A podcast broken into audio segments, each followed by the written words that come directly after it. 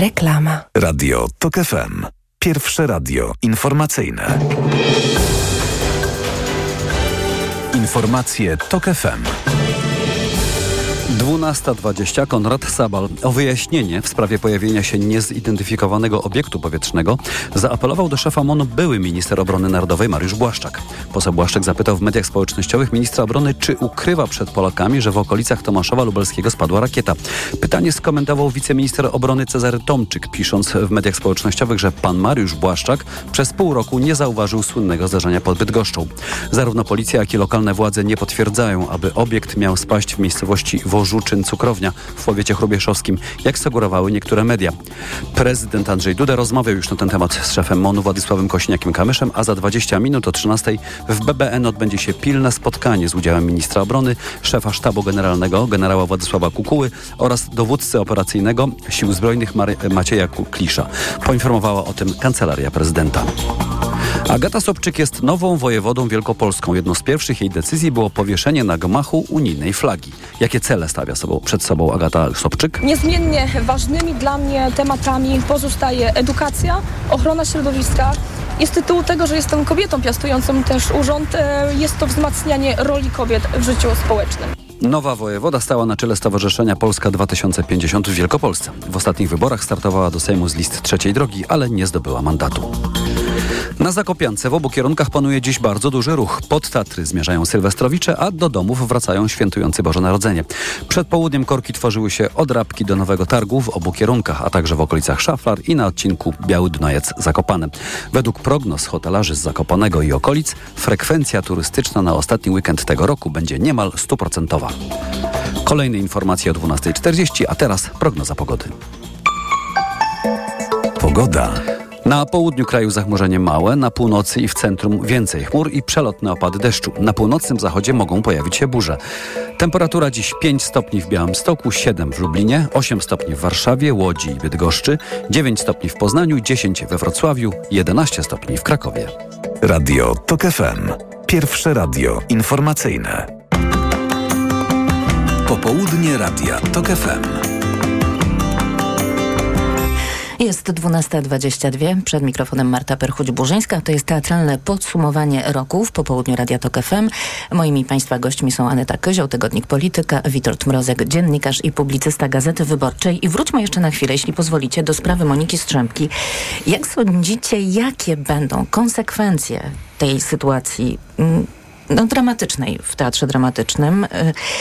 Ta rewolucja teatralna, która miała się zadziać na wielką skalę, zostanie przyhamowana przez to, co się wydarzyło? Ja myślę, że na pewno trochę tak, to znaczy nawet nie tyle w modelach instytucjonalnych, w zmianie tego, w zmianie systemu zarządzania, co myślę, że samorządy tym bardziej pozawarszawskie będą bały się osób deklarujących zdecydowane lewicowe wartości, niezależnie od tego, jak ten feminizm Moniki Strzępki, taki trochę nie dzisiejszy, bardzo esencjalny, skupiony na różnicy, e, był niereprezentatywny dla dzisiejszego lewicowego feminizmu, ale ja bym był ostrożny z takim stwierdzeniem, że to na przykład w ogóle świadczy o tym, że nie da się w teatrze wprowadzać e, zarządzania kolektywnego. Ja bym raczej powiedział, że pozwolę sobie na taką opinię, ponieważ znam Monikę Strzępkę i śledzę jej twórczość od kilkunastu lat, że po prostu raczej to był bardzo śmiały, nie do końca może momentami przemyślany eksperyment z wprowadzeniem y, zarządzania kolektywnego przez tę osobę w tym teatrze. Ponieważ Monika Strzępka przy całej swojej lewicowości, zasługach robieniu spektakli o abacji galicyjskiej czy Euro 2012, e, jest najlepszym tego słowa reżyserką starej daty. To znaczy ona się uczyła od Wojciecha Siemiona, wielokrotnie to yy, podkreślała. Yy, uwielbiał z nią pracować zespół Narodowego Starego Teatru. Mhm. Była proszona przez różne zespoły do, o, dyrekt, o staranie się o dyrekcję już wcześniej. W Starym Teatrze powoływa, porównywano ją do Jerzego Jarockiego. To jest osoba pracująca raczej z tekstem. Znaczy wiele takich stereotypów na temat nowoczesnego teatru, o tym, że w nim chodzi o ciało, o obraz, że tekst jest nieważny, w ogóle nie sprawdza się w przypadku Moniki Strzemki. Podobnie zarządzaniem kolektywnym. Ona jest, e, myślę, że gdyby nie tworzyła tam tego wrażenia, czy wrażenia, tego kolektywu, który jak wiemy z materiałów o teatrze dramatycznym okazał się po prostu, okazał się po prostu nieskuteczny, to znaczy nie podejmował decyzji, nie zarządzał. E, myślę, że gdyby po prostu była dyrektorką z zastępcami, zastępczyniami, byłoby zupełnie, było, mogłoby być zupełnie inaczej, mogłaby prowadzić ten niezależnie od treści, które by tam y, były opowiadane, ten teatr mógł być prowadzony w bardziej tradycyjny sposób. Natomiast mamy w Teatr Warszawa, gdzie też przecież po wielu latach zniknął Grzegorz Jarzyna ze stanowiska po ćwierćwieczu. Um, przykład na razie dość udanego zarządzania kolektywnego, który różni się o tyle, że wyszedł ze środka. Nie przyszła tam osoba z zewnątrz, która wprowadzi tutaj kolektywne, demokratyczne, zbiorowe standardy zarządzania, tylko osoby, które wcześniej pełniły niższe stanowiska w teatrze, czyli na przykład producenta albo edukatorki, mhm. wprowadziły razem z załogą rozmawianie na nowych zasadach z tymi ludźmi, którzy już tam byli. I tam też jest dyrektorka. Mhm. Anna Ruchowska. Tak. No, prawda, i bo to nie, e, nie chodzi chyba o kolektywizm w zarządzaniu, tylko bardziej chodzi tutaj o te zwolnienia, które nastąpiły i e, w tak szybkim też czasie, e, więc jakby bardziej chodzi nawet nie o, o styl, tylko no, o, o, to, co się tam wydarzyło po prostu. Więc no i, i myślę, że też tu Witek ma rację, że Monika Strzępka no jest twardą jednostką, która e, chyba z trudem dzieli się władzą mimo wszystko. E, wydaje mi się, że w TR Warszawa jest jednak zupełnie, zupełnie inaczej. Od początku było inaczej. Inną osobą jest po prostu Anna Rochowska. E, więc pytanie tylko na, więc tutaj jakby da się poszerzać w ramach tego modelu e, teatralnego, który mamy, czyli że jednak dyrektor ponosi e, instytucjonalną, prawną odpowiedzialność za te instytucje i mimo, że może się dzielić władzą, to jednak potem i tak on jest rozliczany mhm, mhm. e, z wykonania zadań, e, które ma w kontrakcie, e, z, z, zawartym z organizatorem, czyli z samorządem albo z województwem, albo z, z ministerstwem. E, więc da się jakby jakby poszerzać i zmieniać ten model e, w sposób miękki. E, trudniej jest robić to w sposób twardy i pytanie, czy warto po prostu robić no to w sposób twardy. Z pewnością styl tych zwolnień, o których czytaliśmy tak. na początku, jeszcze przed wołaniem, odwołaniem premiera Reksy, był niedopuszczalny, choć same zwolnienia były moim zdaniem nieuniknione. To znaczy no, tak, instytucja, tak. która teraz jest mniejsza, wcześniej był, obejmowała też teatr na woli, za dyrektora Słowodzianka już nie obejmuje. E, zespół został ten sam, budżet się zmniejszył, tych ludzi trzeba było zwolnić, ale no to w jaki sposób było to odnotowane przez nich i zwalnianie ich tuż przed premierą albo coś takiego. No. Ze względów światopoglądów niektórzy twierdzą, że zostali Również pytanie, Tak, pytanie jak to wszystko interpretować, na ile właśnie Strzępka pomyliła rolę reżyserki y, robiącej spektakl, y, który w dodatku jest rodzajem manifestu, y, z rolą dyrektorki, która no, w tym wywiadzie, do którego nawiązujesz z Onetu, gdzie padły mhm. te słowa, że trudno się pracuje z osobami, które myślą zupełnie inaczej, no to tam raczej kontekstem, bo ona potem dalej tłumaczyła, że mm, w teatrze jednak e, nie tylko ona reżyseruje, reżyserują też inni e, reżyserzy, więc jakby e, ten światopogląd jest tutaj poszerzany, no ale padły te słowa, no i teraz jakby będą się za nią do końca do końca wlec niestety. Natomiast tak no, te granice w teatrze między światopoglądem, a na przykład, nie wiem, jakąś estetyką. taką estetyką, to jest właśnie o to czy chodzi. stylem pracy, no są bardzo płynne. To jest mhm. trochę tak samo jak w mediach. No, redakcje są układane nieco pod wpływem również jest pod jakie, kształcie tak, jakimś jest ideowym. Jakieś, jest więc... jakieś spektrum poglądów mhm. dopuszczalnych, ale poza tym Ale myślę, że to, to no, mhm. sposób, w który to się odbyło w dramatycznym nie, nie, był do zaakceptowania. Mhm. No dobrze, to przejdźmy w takim razie do kolejnej głośnej sprawy, mhm. którą również żyliśmy w zeszłym roku, to znaczy w tym roku, który mija teraz. To y, oczywiście wydarzenia związane z Krystianem Lupą i odwołanej genewskiej premiery po tym, jak część pracowników oskarżyła go o autorytarne metody pracy, czyli kolejna sytuacja w teatrze, y, która sprowokowała sporą dyskusję o przemocy, o przemocowości. Ale czy coś więcej? Ostatecznie Lupa wystawi emigrantów, z tego co wiemy, w paryskim Odeonie, Odeonie tak. czyli jednej z najważniejszych scen tak. E, w Europie. innym zespołem technicznym. Tak. Ale tym samym aktorskim. Ale tym samym aktorskim, e, no bo tu jest ten ten podział. Zdaje się, że w Teatrze Powszechnym wcześniej przy produkcji Capri zaczęły się te problemy, gdzie zespół techniczny czuł się albo, albo był bo też znamy tutaj jakby dwie strony E, relacji, e, źle traktowany. Zresztą na premierze e, Capri była taka sytuacja, z którą chyba wszyscy, którzy tam siedzieliśmy na widowni, poczuliśmy się kiepsko, kiedy... W której uczestniczył Piotr Skiba, tak, czyli kiedy, współpracownik kiedy i towarzysz Piotr Skiba przerwał, przerwał po kilku minutach premierę i zarzucił akustykom, że mhm. ma źle ustawiony mikrofon i no, to są sytuacje, z którymi no, rzadko mamy do czynienia, e, więc było widać, że a, a, a przy tym jakby mikrofon był świetnie ustawiony. I Krystian Lupa mówił mu, żeby po prostu grał dalej. Tak, więc... i Krystian Lupa, więc było widać, że są tam napięcia, że coś się musiało mm, zadziać e, e, złego, więc jakby ten problem na pewno narastał i pewnie w Genewie coś musiało być też na rzeczy, chociaż z opisów potem też tych pracowników e, technicznych, którzy e, nie rozumieli też tej metody pracy Krystiana Lupy, którą z kolei bardzo akceptowali aktorzy, czyli te niekończące się monologi. E, techniczni widzieli po prostu jakiegoś starszego pana, który przechadza się i wygłasza niekończące się historie z tłumaczką w dodatku jeszcze mhm. obok, która to wszystko musi przełożyć. Potem jeszcze ten krzyk i e, że tłumaczka potrzebuje, czyli awantura, którą Lupa zrobił tłumaczce, że potrzebowała e, wy, momentu wytchnienia między w, w, w, ciągu tych kilku godzin tłumaczenia takiego monologów.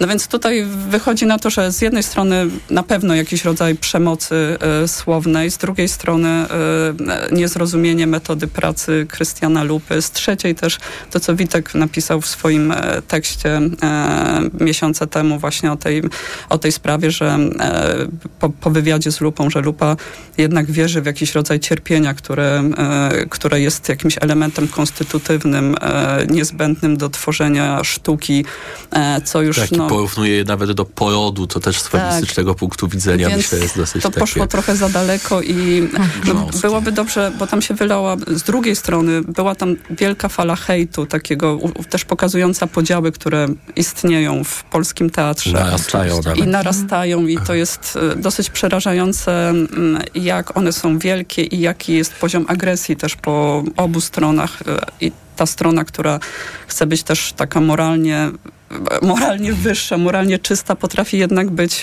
bardzo przemocowa w tych swoich komentarzach, łącznie z nawoływaniem, nie wiem, do, do eliminacji pewnych osób z życia publicznego w sposób taki jednoznaczny.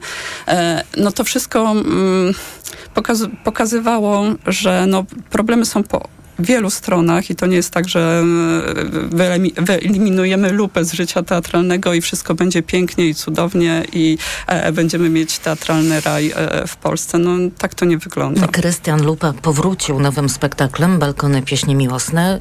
Witku, ty widziałeś to przedstawienie? Widziałem jego przedpremierową wersję, mm. jeszcze przede mną we Wrocławiu.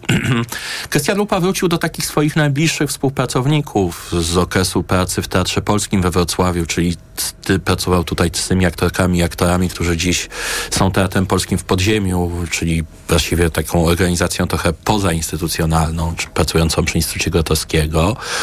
Eee, spektakl mocno autoironiczny, stawiający pytanie, co dalej. Eee, zawierający liczne cytaty z, z, własnej twórczości, chociażby nawet w przypadku postaci Piotra Skiby. E, moim zdaniem ten nowe miejsce, znaczy po pierwsze, bo, bo, bo, bo powrót do Wrocławia po wielu latach, po dekadzie praktycznie, e, prawie, mm, pokazuje taką dość ciekawą rzecz. To znaczy, jeżeli mówimy tak jedno po drugim o Strzępce i o Lupie, powiedziałbym, że Krystian Lupa być może bardzo słusznie, być może w tym jest jakiś rodzaj takiej jego os, os, e, e, rozsądnej, konserwatywnej ostrożności. E, nigdy nie zaryzykował sprawowania władzy w żadnej e, instytucji. Nigdy przez te swoje no, pół wieku praktyki artystycznej e, nie był i nie próbował być e, dyrektorem. Były co prawda różne plotki o tym, jak to w niektórych miejscach rządzi zakulisowo, ale, ale nigdy nie podjął tego ryzyka. Pytanie, czy to dobrze, czy źle. Na przykład jeden z najwybitniejszych polskich teatologów, profesor Grzegorz Niziołek, już 10 lat temu nawoływał lupę do stworzenia jakiegoś nowego modelu pracy. Teraz lupa powraca też w operze, co jest moim zdaniem bardzo ciekawe. E, będzie robił w Salzburgu e, Czarodziejską Górę według Tomasza Mana. I to też z jednej strony oczywiście sukces reżysera, który tutaj był już na skraju powiedzmy skancelowania, a z drugiej strony opera jest bardzo specyficznym miejscem, gdzie obowiązują bardzo specyficzne rygory pracy. To znaczy jest dużo bardziej taka standardowa, mniej, zostawia mniej miejsca na improwizację, snucie wewnętrznych podróży i tak dalej, więc to będzie zupełnie inny sposób pracy. I no, też zwłaszcza, że Lupa mia, ma na koncie już e, no, nieporadzenie sobie z, tym, z tą strukturą opery, bo wiele lat temu przecież e, skończyła się jego praca w operze e, no, no nie sukcesem, mówiąc delikatnie, no tak. więc tutaj e, no pytanie, kto się czego nauczył. E, bo ten e, mhm. emigranci, którzy mieli być pierwotnie zrealizowani w Genewie, potem pokazywani na festiwalu w Awinionie, ostatecznie będą pokazywani i zrealizowani w Teatrze Odeon w, w Paryżu, czyli prestiżowo, ale jednak pod bardzo silną superwizją, w tym sensie, że tam został zawarty bardzo szczegółowy kontrakt z wszystkimi ekipami. Tak. I więc E, no ciekawe, jakie wnioski Lupa też wyciągnie na przyszłość, czy, bo był moment, kiedy on w wywiadach e, przyznawał, że czegoś się z tego nauczył i że, e, że jednak bierze część odpowiedzialności na siebie, ale po tej fali hejtu, która się wylała, e, jakby cofnął się. Mhm. Myślę, że wszyscy okopali się trochę wszyscy na swoich pozycjach. Wszyscy się okopali na tak. swoich pozycjach i bardzo się, bardzo bym nie chciała, żebyśmy nie wyszli jednak mądrzejsi z tych wszystkich e, e, konfliktów, bo tak podsumowujemy ten rok, który się kończy, no ale jesteśmy w przededniu tego nowego roku i wiadomo, zmieniła się władza, więc pewne konflikty, które e, trochę były zakopywane pod dywan albo, albo mm, no, wszyscy musieli jakoś się wobec nich ustawiać, e, no teraz mogą mieć inne rozwiązanie, prawda? Możemy jaśniej o tym wszystkim mówić i e, więc pytanie, czy wyciągniemy z tego wnioski, czy ten nowy rok w kulturze będzie po prostu lepszy, sensowniejszy. No tak, a co władza,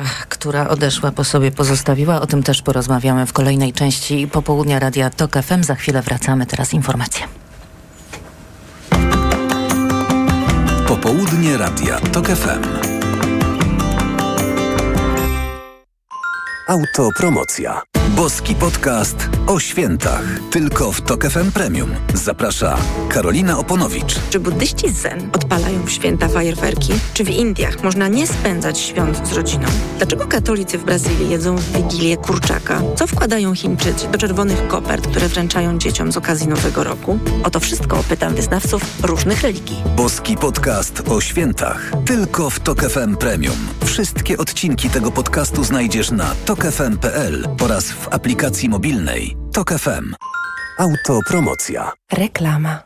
Tylko do niedzieli w euro. Jedna lub aż dwie raty gratis na cały asortyment z wyłączeniem produktów Apple i kodów aktywacyjnych. I do marca nie płacisz. RRSO 0%. Szczegóły i liczba rat dla każdego wariantu w regulaminie w sklepach i na euro.com.pl. Proszę, pane okulary. Warto też kupić suplement diety Maxiluten D3. Maxiluten D3? Tak. Ma wysoką dawkę luteiny oraz składniki wspierające wzrok, cynk i wyciąg z róży stulistnej, a dodatkowo również wysoką dawkę witaminy D3. Maxiluten D3. Aflofarm. Dziś Dziś w Wyborczej przewodnik kulturalny. Hals, Chagall, Van Gogh. Wystawy w muzeach i galeriach sztuki, które trzeba zobaczyć. Oraz premiery w 2024, czyli na co warto iść do kina. Przewodnik kulturalny dziś w Wyborczej i na wyborcza.pl. Poznaj mega sposoby na oszczędności w Rosmanie. Między innymi szampon do włosów Isana 7 ziół. Najniższa cena z 30 dni przed obniżką 5,19, a teraz 3,99. Mega Ci się opłaca. W Rosmanie. 4, 3, 2, 1. Już od piątku w Lidlu. Totalnie wystrzałowa oferta na koniec roku. Wszystkie chipsy i chrupki 2 plus 1 za 1 grosz. Miksuj dowolnie. A papryka czerwona, cena przed obniżką 14,99 za kilogram. Teraz aż 40% taniej. Tylko 8,99 za kilogram. Przed Sylwestrem działamy dłużej. Sprawdź na Lidl.pl. Szczęśliwego nowego roku życzy Lidl. Skoda ogłasza wyprzedaż rocznika 2024. Nie przesłyszeliście się. Rocznika 2024. I jesteś rok do przodu. Przyjdź na dni otwarte w salonach Skody od 8 do 13 stycznia. Skoda. Wielkie czyszczenie magazynów w Media Expert. Telewizory, smartfony, laptopy, ekspresy, odkurzacze, pralki i zmywarki w super niskich cenach. Pierogi i groch,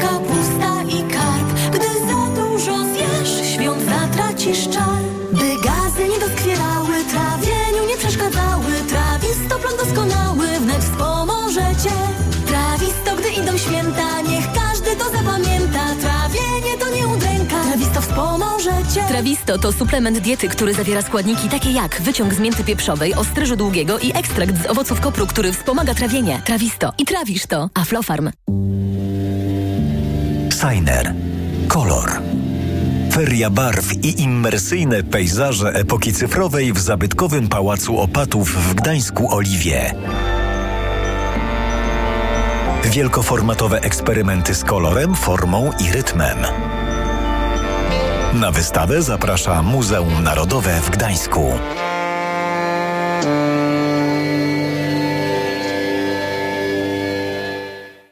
Dziś w Wyborczej przewodnik kulturalny. Hals, Chagall, Van Gogh. Wystawy w muzeach i galeriach sztuki, które trzeba zobaczyć. Oraz premiery w 2024, czyli na co warto iść do kina. Przewodnik kulturalny dziś w Wyborczej i na wyborcza.pl. Reklama. Radio TOK FM. Pierwsze radio informacyjne. Informacje TOK FM. 12.41 Konrad Sabal. Od 12.00 trwa odprawa premiera Donalda Tuska z szefem sztabu generalnego, dowódcą operacyjnym rodzajów sił zbrojnych, z udziałem szefa MONU oraz odpo szefów odpowiedzialnych służb. Odprawa ma związek z informacjami o naruszeniu przestrzeni powietrznej Polski. O 13.00 w Biurze Bezpieczeństwa Narodowego odbędzie się w tej samej sprawie pilne spotkanie prezydenta z ministrem obrony, szefem sztabu generalnego oraz dowódcą operacyjnym rodzajów sił zbrojnych. Ataki powietrzne Rosji na Ukrainę zabiły co najmniej 16 i raniły 97 osób, w tym dwoje dzieci, poinformowała prokuratura generalna w Kijowie. W ataku ucierpiały m.in. Lwów, Kijów, Charków i Zaporoże. Zniszczone zostały budynki mieszkalne, placówki oświatowe i szpitale. Ponad 300 razy w tym roku wzywano siły powietrzne NATO z powodu działań rosyjskich samolotów wojskowych. Sojusz informuje, że naruszenia przestrzeni powietrznej NATO przez rosyjskie samoloty wojskowe były rzadkie i na ogół krótkotrwałe, a w większości tych incydentów były to mm, sytuacje nad Morzem Bałtyckim. Rzecznik NATO informuje, że myśliwce NATO dyżurują przez całą dobę gotowe do akcji w przypadku podejrzanych lub niezapowiedzianych lotów w pobliżu przestrzeni powietrznej członków sojuszu. Coraz więcej Rosjan chce przyjąć obywatelstwo Estonii. Zainteresowanie wzrosło od początku rosyjskiej inwazji na Ukrainę, informują estońskie media.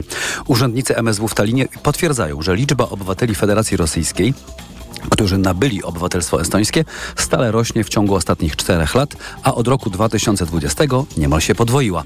Aby zostać obywatelem Estonii, należy mieszkać w tym kraju przez co najmniej 8 lat, z czego 5 na stałe, oraz zdać testy znajomości języka estońskiego, konstytucji i ustawy o obywatelstwie. To są informacje TOK FM. Nikt nie ma zamiaru likwidować mediów publicznych w Polsce, mówi w TOK FM minister, były minister kultury, a obecnie szef Sejmowej Komisji Kultury, poseł Koalicji Obywatelskiej Bogdan Zdrojewski. W TOK FM w rozmowie z Maciejem Kluczką tłumaczył, że stan likwidacji, w jaki media publiczne postawił minister kultury, jest tak naprawdę procesem, który ma doprowadzić do ich naprawy. Proces likwidacji nie jest po to, aby likwidować, tylko po to, aby naprawiać. Mhm. Nikt nie ma zamiaru zlikwidować ani publicznej telewizji, ani publicznego radia. Czyli nie dojdzie nawet razem- do wypisu z KRS-u, z Krajowego Rejestru Sądowego. Może nie dojść do tego ostatniego etapu, punktu. Jestem o tym przekonany, że do tego punktu na 100% nie dojdzie. Czyli Trzymamy- minister zatrzyma proces likwidacji na pewnym etapie naprawy. Zdecydowanie tak. Poseł Zdrojewski podkreśla, że w spółkach medialnych zostaną przeprowadzone audyty wydatków, a jednocześnie media będą prowadzić swoją działalność, jaką jest m.in. nadawanie programów informacyjnych. Kolejne informacje o 12, od 13, a za chwilkę prognoza pogody. Pogoda. Na południu kraju zachmurzenie małe, na północy i w centrum, centrum więcej chmur i przelotne opady deszczu. Temperatura 5 stopni w Białymstoku, 7 w Lublinie, 8 stopni w Warszawie, Łodzi i Bydgoszczy, 9 stopni w Poznaniu, 10 we Wrocławiu i Katowicach, 11 stopni w Krakowie. Radio TOK FM. Pierwsze radio informacyjne. Popołudnie Radia TOK FM. Jest 12.44, przed mikrofonem Marta Perchuć-Burzyńska, ze mną studio Aneta Kyzioł, Tygodnik Polityka i Witold Mrozek, dziennikarz i publicysta Gazety Wyborczej. W tym właśnie gronie podsumowujemy dziś rok 2023 w teatrze. I przejdźmy teraz do sytuacji w krakowskim Teatrze imienia Juliusza Słowackiego. Tym żyliśmy cały zeszły rok, choć procedura odwołania Krzysztofa Głuchowskiego ze stanowiska dyrektora oprotestowana przez większość środowiska teatralnego nadal trwa już kilkaset dni dyrektor jest odwoływany i nikt tej procedury nie zamknął. Za to dzień po wyborach, y, to taki symboliczny moment był, unieważniono konkurs na nowego dyrektora. Wielka ulga dla zespołu i myślę też dla większości środowiska. No, jakiś taki akt sprawiedliwości, wydaje mi się, no bo to był jeden wielki absurd e, od początku z próbą szukania argumentów e, prawnych e, za, za odwołaniem e, Głuchowskiego. Nie było ich. E, kolejne, kolejne e, komisje z, czy, czy inspekcje pracy i tak dalej nie wykazywały żadnych poważnych uchybień i błędów, więc marszałek Kozłowski próbował znaleźć jakieś inne uzasadnienia dla tak naprawdę ideologicznej, ideologicznie motywowanej decyzji, czyli pamiętamy, że najpierw to były dziady e, wystawione przez Maję Kleczewską, no, mocno antypisowskie i też antykościelne, co podobno w Krakowie nawet ten drugi, dru, druga, drugi argument był poważniejszy. E, więc najpierw były to te dziady, potem, były, e, potem był koncert e, Ma, Marii Peszek e, mhm. z mocnymi hasłami i feministycznymi i powiedzmy antyautorytarnymi, e, co, co, co słusznie władza brała do siebie, e, więc no, absolutnie była to decyzja motywowana politycznie i ideologicznie, no ale szukano jakichś innych wytłumaczeń nie znaleziono, szukano dalej i to wszystko się ciągnęło. No, można byłoby się z tego śmiać, że to jest rodzaj kabaretu, gdyby nie to, że no to jednak bardzo mocno ograniczyło y, możliwości takie prawne działania y, dyrektora y, w instytucji, którą zarządzał i to w dodatku instytucji y, no, olbrzymiej, zatrudniającej y, wielu ludzi. No, a mimo to, mimo tego wszystkiego, no jednak y, zdarzały się tam dalej fantastyczne premiery i no, no więc no, tylko można się cieszyć, że to się no powiedzmy, jeszcze nie skończyło, ale prawie skończyło, tak jak, jak się skończyło i że po tym, e, po wyborach jednak marszałek e, doszedł do wniosku, że może nie ma sensu kopać się z koniem i, mhm. e, i, i, i warto, i warto to odwołać. Poza tym w tym konkursie też chyba nikt e, sensowny przeciwko Głuchowskiemu nie stanął, e, więc e, może i to było m, mm, jednak jakimś takim sensownym argumentem, skoro własne pisowskie środowisko nie poparło w sensowny sposób e, e, tej procedury odwoławczej, no to marszałek został z tym wszystkim sam. E, no i podjął decyzję, jaką podjął. No teraz nadchodzą wybory samorządowe, będzie nowy sejmik Małopolski, nowy mhm. zarząd województwa małopolskiego. Zobaczymy, czy PiS utrzyma się tam przy władzy. Jeżeli się utrzyma, to też myślę, że w kwestii Małopolska jest regionem mocno konserwatywnym, przecież to nie tylko Kraków, ale też Podhale, Nowy Sącz i tak mhm. dalej. E, no zobaczymy, co będzie dalej z teatrem słowackiego w Krakowie. Myślę, że tak czy owak jest powód dla dyrektora Głuchowskiego jego zespołu do świętowania. No jeszcze powiedzmy o tym, że e, tak e, na, na koniec, że e, ten teatr miał, był na już ostatniej rozumiem, prostej e, zarządów PiSu e, do bycia zarząd współprowadzonym przez ministerstwo. No więc pytanie, czy teraz, gdyby wybory samorządowe jednak e, w województwie małopolskim zakończyły się zwycięstwem opcji pisowskiej czy konserwatywnej, powiedzmy, czy nowe Ministerstwo Kultury nie, nie podejmie też takiego wysiłku, żeby, żeby współprowadzić te instytucje, czyli też mieć pewien wpływ na jej zarządzanie. No dobrze, to teraz powiedzmy w takim razie jeszcze, co po swoich rządach pozostawia minister kultury Piotr Gliński, jeśli chodzi o teatry i ich zarządzanie. Nowa instytucja pojawiła się na mapie teatralnej, mianowicie Teatr Klasyki Polskiej, czyli pierwszy nowy narodowy teatr od dekad, na czele którego stanął Jarosław Gajewski. Po co komu ta instytucja jest? Jarosław Gajewski i Piotr Gliński tłumaczyli, że w polskim teatrze nie jest grana polska klasyka, więc potrzebny jest teatr, który tę klasykę będzie grał. Że teatry nie mają odwagi. Teatry nie mają odwagi grać Fedy czy Mickiewicza. No jest to dosyć czmrożka, jest to dosyć, dosyć osobliwe, chociażby ze względu na to, że Jarosław, e, Jarosław Gajewski, cóż za tutaj chochlik, Jarosław Gajewski, e, zanim e, został dyrektorem tej nowo powołanej instytucji, pracował w Teatrze Polskim Andrzeja Seweryna, później w Teatrze Narodowym Jana Engleta i tej klasyki się dość dużo nagrał i myślę, że to jest, zgrywa się trochę z takim tworzeniem przez politykę kulturalną PiS iluzji, że trzeba budować na zgliszczach polską kulturę, ponieważ przez pedagogikę wstydu, liberałów, Europę, Zachód, zwał jak zwał. Lewaków. em, lewaków, stoimy na prostu wobec jakiegoś zadania odbudowywania kultury narodowej wśród półpiśmiennych, z, zgermanizowanych czy zrusyfikowanych chłopów, których trzeba tej polskości nauczyć. A w tę misję jakoś wpisuje się Teatr Klasyki Polskiej. Dużo się pod koniec rządów e, Piotra Glińskiego mówiło o betonowaniu kolejnych instytucji, e, o takich próbach zapobiegania możliwości zmiany dyrekcji czy likwidacji jakiejś instytucji po zmianie władzy. Teatr Klasyki Polskiej był jedną z pierwszych takich em, jedną z takich pierwszych instytucji, które zostały zabetonowane, ponieważ on Dużymi pieniędzmi, rozumiem. tak, ponieważ on powstał od samego początku jako narodowa instytucja, ale współprowadzona przez e, Fundację Teatr Klasyki Polskiej, której prezesem teraz już nie jest, ale w momencie powołania instytucji był Jarosław Gajewski, czyli nie, na samym początku nie dało się zwolnić dyrektora Jarosława Gajewskiego bez zgody współprowadzącego fundację, e, teatr, e, prezesa fundacji Jarosława, Jarosława Gajewskiego. Gajewskiego. Teraz fundacja zresztą mieściła się wtedy jeszcze w prywatnym mieszkaniu. E, teraz te 10 milionów już jest dysponowane przez e, innego prezesa, ale dalej ten prezes musi wyrazić zgodę na jakiekolwiek zmiany związane z tym teatrem, więc no myślę, że teatr klasyki polskiej z nami jeszcze trochę zostanie. Mm. A czy jeśli chodzi o teatr, mamy takie typowo przejęte politycznie instytucje, które teraz być może ktoś chciałby y, odzyskiwać, kiedy Ministerstwem Kultury nie rządzi już Piotr Gliński. y, Teatr Osterwy w Lublinie? Ale też, ale jesteśmy tak, jak już jesteśmy przy małżeństwie Chorosińskich, a Teatr Klasyki Polskiej to jest... e, Michał to Dzieło jest, małżeństwa to jest dzieło małżeństwa. Piotr Gliński dziękował państwu Chorosińskim. Dokładnie tak, więc... e, No więc Były minister kultury, przypomnij. Tak. No więc tutaj mamy y, blisko od razu Teatr Jaracza w Łodzi, który no, e, został przejęty e, też e, wbrew zespołowi teatralnemu, wbrew też środowisku. Michał Chorosiński wcześniej przegrał konkurs na e, dyrektora, e, ale e, Urząd Marszałkowski Łódzki się uparł i przeforsował swojego kandydata.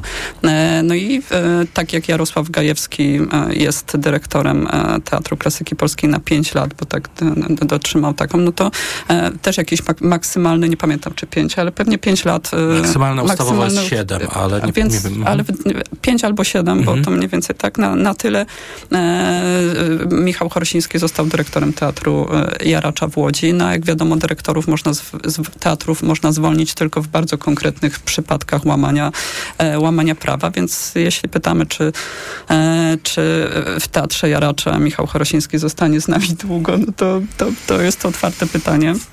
No tak, jest No. jeszcze Redbat Klęstra-Komarnicki w e, Teatrze Osterwy w Lublinie. Gdzie też były dość spektakularne pracownicze protesty aktorów w minionym Dużo roku. wysłali. Dużo listów, e, wbrew to jest o tyle ciekawe, że te protesty w Teatrze e, Osterwy miały charakter właśnie przede wszystkim ekonomiczno-pracowniczy, że w sytuacji, w której minister Gliński czy wiceminister Wanda Zwinogrodzka przedstawiali się przede wszystkim jako ci, którzy pomogą artystom, zwłaszcza w ośrodkach pozawarszawskich, poprawić ich sytuację socjalną, to e, tutaj Edward Klęsta, no, niespecjalnie wywiązał się e, z tej misji zdaniem zespołu. E, Co będzie dalej z tym teatrem zobaczymy. Natomiast ja tak chciałbym minimalnie optymistycznie powiedzieć pod koniec tej naszej rozmowy, że jednak zbyt dużo osiągnięć w przejmowaniu teatrów PiS przez te 8 lat nie miał, że tutaj ta struktura usamorządowienia polskiego życia teatralnego w dużej mierze zdała egzamin. E, Nie było Budapesztu w Warszawie. No tak, ale samorządowe teatry też przyciśnięte finansowo nie miały się co się, dobrze. Od, co się odbija też na mijającym tych, roku. na rozmaitych e, aferach, awanturach i... Oczywiście, i że tak. dalej. I zamknięciu ale- na przykład Teatru w Legnicy na jakiś czas, prawda? tak. To pamiętamy wszyscy. Chociaż no tam sytuacja jest mocno skomplikowana Tak, też tak, tak, politycznie, tak, to oczywiście. wiemy, ale, Mhm. ale tak, to prawda. No dobrze, to w takim razie, Witku, chciałeś coś e, optymistycznego, pozytywnego. W takim razie przejdźmy. Też generalnie bardzo zapraszamy wszystkich słuchaczy do chodzenia do teatru. Tak, tak, ale na co? Właśnie. Przejdźmy do waszych rankingów najlepsze spektakle roku 2023. No, no tak, e, ja na pierwszym miejscu wymieniłam spektakl z końcówki ubiegłego roku, ale e, on zbierał laury oraz owacje na stojąco po każdym pokazie e, w tym roku i też był nominowany do, i jest nominowany do paszportu polityki, czyli 1989 e, musical Szynggiery. Katarzyny Mhm. Szyngiery, koprodukcja właśnie Teatru Słowackiego w Krakowie, o którym mówiliśmy przed chwilą i, i Gdańskiego Teatru Szekspirowskiego i, e, i wciąż, no tak jak wydaje mi się, że e, ciągle dyskutujemy o tym, czy teatr albo w ogóle kultura i sztuka ma jakieś możliwości wpływania na e, świat poza e, teatrem, poza rampą teatralną, no to e, 1989 jest przykładem chyba tego, bo pozytywny mit został jednak wykreowany, wybory nie skończyły się klęską demokracji jakby kolejną, tylko, tylko tak jak w 89 roku, o którym opowiada ten spektakl, no zwycięstwem, tak, więc e, jakąś nadzieję być może ten spektakl w ludziach też e, wzbudzał. No więc ja wybrałam ten, ale, ale mieliśmy e, sporo, sporo takich spektakli, które, które się zaznaczyły. Jak nie zabiłem swojego ojca, jak bardzo tego żałuję. Mateusza Pakuły. Mateusza Pakuły z Teatr w Kielcach i, i Łaźnia Nowa Krakowska. Nagroda na Boskiej Komedii. Na boskiej komedii osobisty, a jednocześnie uniwersalny spektakl, który no, podejmuje problem umierania najbliższej osoby i tego, w jaki sposób system paliatywny w Polsce nie tylko nie pomaga, ale wręcz przeciwnie. E, Plus jeszcze wiele innych te tematów, ale widzę, że trzeba się spieszyć, więc ja wymienię na, chociażby te dwa spektakle. Witek ma na Tak. pewno